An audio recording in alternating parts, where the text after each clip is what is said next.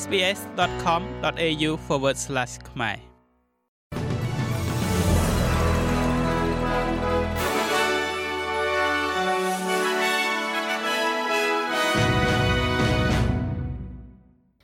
សូមស្វាគមន៍មកកាន់នេតិព័ត៌មានខ្លីៗរបស់ SBS ខ្មែរសម្រាប់ថ្ងៃប្រហ័សទី24ខែសីហាឆ្នាំ2023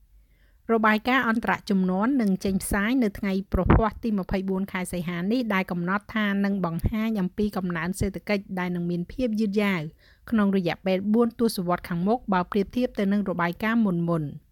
របាយការណ៍នេះគឺជាវិធីមួយនៅក្នុងការវាយតម្លៃពីរបៀបដែលគោលនយោបាយរបស់រដ្ឋាភិបាលបច្ចុប្បន្ននឹងដំណើរការនៅក្នុងរយៈពេល4ទសវត្សរ៍ខាងមុខ ហើយតម្រូវឲ្យមានរៀងរាល់5ឆ្នាំម្ដងក្រោមច្បាប់ធម្មនុញ្ញនៃច្បាប់ថវិកាឆ្នាំ1998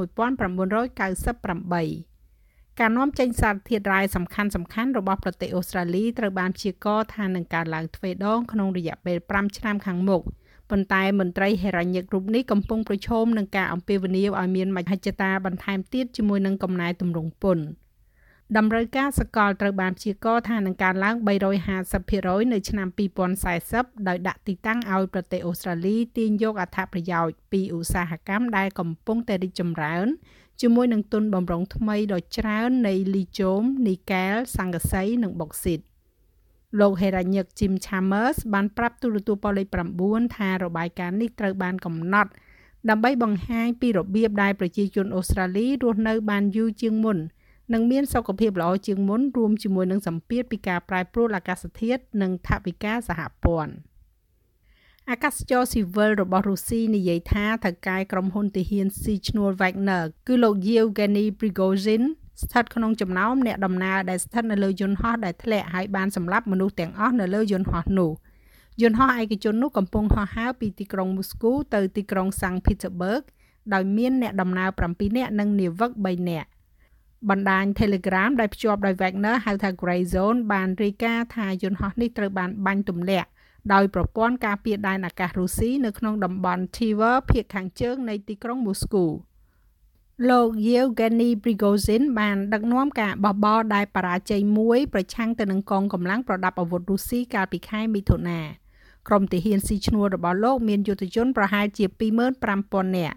ឯអគ្គរដ្ឋទូតអ៊ុយក្រែនប្រចាំនៅអូស្ត្រាលីនិយាយថាលោកនឹងមិនភ្ញាក់ផ្អើលទេប្រសិនបើប្រធានាធិបតីរុស្ស៊ីលោក Vladimir Putin ចេញមុខទទួលខុសត្រូវចំពោះយន្តហោះដែលបានធ្លាក់នេះមួយទៀតនោះគឺប្រទេសឥណ្ឌាបានក្លាយទៅជាប្រទេសដំបូងគេដែលបានចុះចតយានអវកាសដោយជោគជ័យនៅលើប៉ូលខាងត្បូងរបស់ឋានព្រះច័ន្ទ Chandrayaan-3 គឺជាការប៉ុនប៉ងលើកទី2របស់ប្រទេសឥណ្ឌាដើម្បីចុះចតយានអវកាសនៅឋានព្រះច័ន្ទ វាកាត់ឡើងតិចជាងមួយសប្តាហ៍បន្ទាប់ពីបេសកកម្ម Luna 25របស់រុស្ស៊ីបានបរាជ័យការចោះចោះដោយជោគជ័យនេះកត់សម្គាល់ការលេចឡើងរបស់ឥណ្ឌាជាមហាអំណាចអវកាសខណៈដែលរដ្ឋាភិបាលសម្លឹងរកការជំរុញការវិនិយោគទៅលើការបាញ់បង្ហោះក្នុងលំហឯកជន និងអាជីវកម្មដែលតាក់ទងទៅនឹងផ្កាយរណប លោកនាយករដ្ឋមន្ត្រី Narendra Modi បានពណ៌នាការចោះចោតនេះថាជាការស្រែកហូអំពីជ័យជំនះពីប្រទេសឥណ្ឌាថ្មីមួយចុងក្រោយនេះរូបសំណាករបស់អតីតអភិបាលរដ្ឋ Tasmania ដែលបានប្រមាថសាកសពបរិសុជនជាតិដើម Aboriginal ម្នាក់ក្នុងទសវត្សរ៍ឆ្នាំ1800នឹងត្រូវរុះរើចេញបន្ទាប់ពីការបោះឆ្នោតចុងក្រោយរបស់ក្រុមប្រឹក្សាក្រុង។ លោក William Crowther ដែលជាគ្រូពេទ្យវះកាត់ដ៏លេចធ្លោម្នាក់បានសម្រុកចូលទៅក្នុងកន្លែងបញ្ចុះសពនៅ Hobart ក្នុងឆ្នាំ1869ដោយបានដកយកលលាក្បាលរបស់លោក William Lenny ហើយបញ្ជូនទៅមហាវិទ្យាល័យ Royal College of Surgeons ក្នុងទីក្រុងឡុង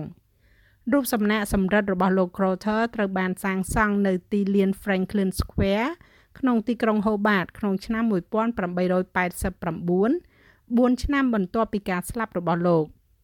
ក្រុមប្រឹក្សាក្រុងហូបាតបានអនុម័តលើកម្មវិធីអភិវឌ្ឍមួយដែលអនុញ្ញាតឲ្យដករូបសំណាកនេះចេញហើយទុកក្នុងកន្លែងផ្ទុករូបសំណាកនិងជំនួសដោយផ្លាកសញ្ញាបណ្ដោះអាសន្នវិញ